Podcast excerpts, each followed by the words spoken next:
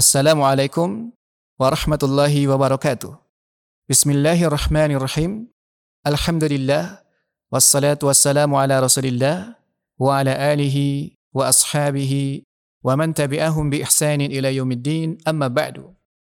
Ikhwah yang semoga dirahmati oleh Allah Subhanahu wa taala, kali ini kita berada pada bagian yang ke-38 dari kisah hidup dan perjuangan Rasulullah sallallahu alaihi wasallam. Pada kesempatan kali ini, saya akan melanjutkan tentang kisah Perang Uhud, dan ini adalah bagian yang keenam. Yang ingin saya kisahkan adalah tentang Perang Uhud dalam Al-Quran, kemudian beberapa pelajaran yang bisa kita petik dari Perang Uhud yang dialami oleh para sahabat radhiyallahu anhum bersama Rasulullah sallallahu alaihi wasallam. Allah Subhanahu wa taala banyak memberikan pelajaran bagi kaum muslimin dalam Al-Quran tentang Perang Uhud. Tercatat dalam surat Ali Imran ada sebanyak 60 ayat di mana Allah di dalam ayat-ayat tersebut membicarakan tentang Perang Uhud dari sejak kejadian pertama kali. Dalam surat Ali Imran ayat 121 Allah berfirman, "Wa idh ghadawta min ahlik tubawwi'ul mu'minina maqa'ida lil qital.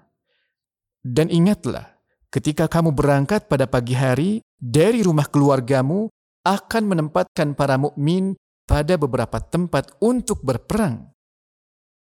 Kemudian ayat-ayat itu ditutup dengan ayat yang berisikan pelajaran umum terkait perang tersebut. Di dalam surat Al-Imran ayat 179 Allah berfirman, "Ma kana Allahu liyadhara al-mu'minina 'ala ma antum 'alaihi حتى يميز الخبيث من الطيب. وما كان الله ليطلعكم على الغيب.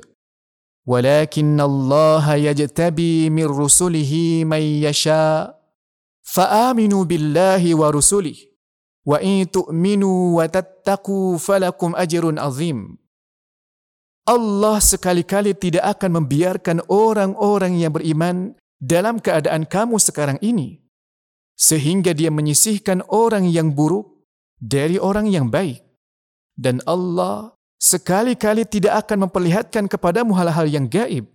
Akan tetapi, Allah memilih siapa yang dikehendakinya di antara rasul-rasulnya. Karena itu, berimanlah kepada Allah dan Rasulnya. Dan jika kamu beriman, dan bertakwa, maka bagimu pahala yang besar. Adapun beberapa pelajaran yang bisa kita petik dari peristiwa perang Uhud adalah yang pertama adalah tentang akibat dari perbuatan maksiat dan juga melanggar aturan sebagaimana yang dilakukan oleh pasukan dari regu pemanah pada waktu perang Uhud.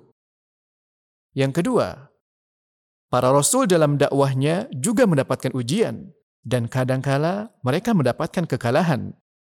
Hal tersebut untuk membuktikan bahwa mereka juga adalah manusia biasa yang tidak tertutup kemungkinan mengalami apa yang dialami oleh manusia pada umumnya.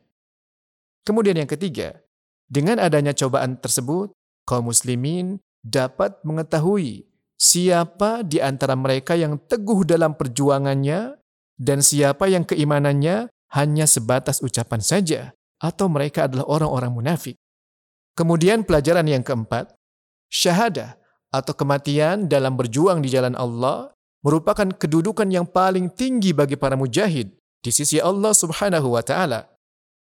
Kemudian yang terakhir, pelajaran yang bisa kita petik dari peristiwa perang Uhud adalah bahwa perjuangan melawan orang kafir juga harus menyertakan usaha-usaha atau sebab-sebab yang bisa mendatangkan kemenangan tersebut.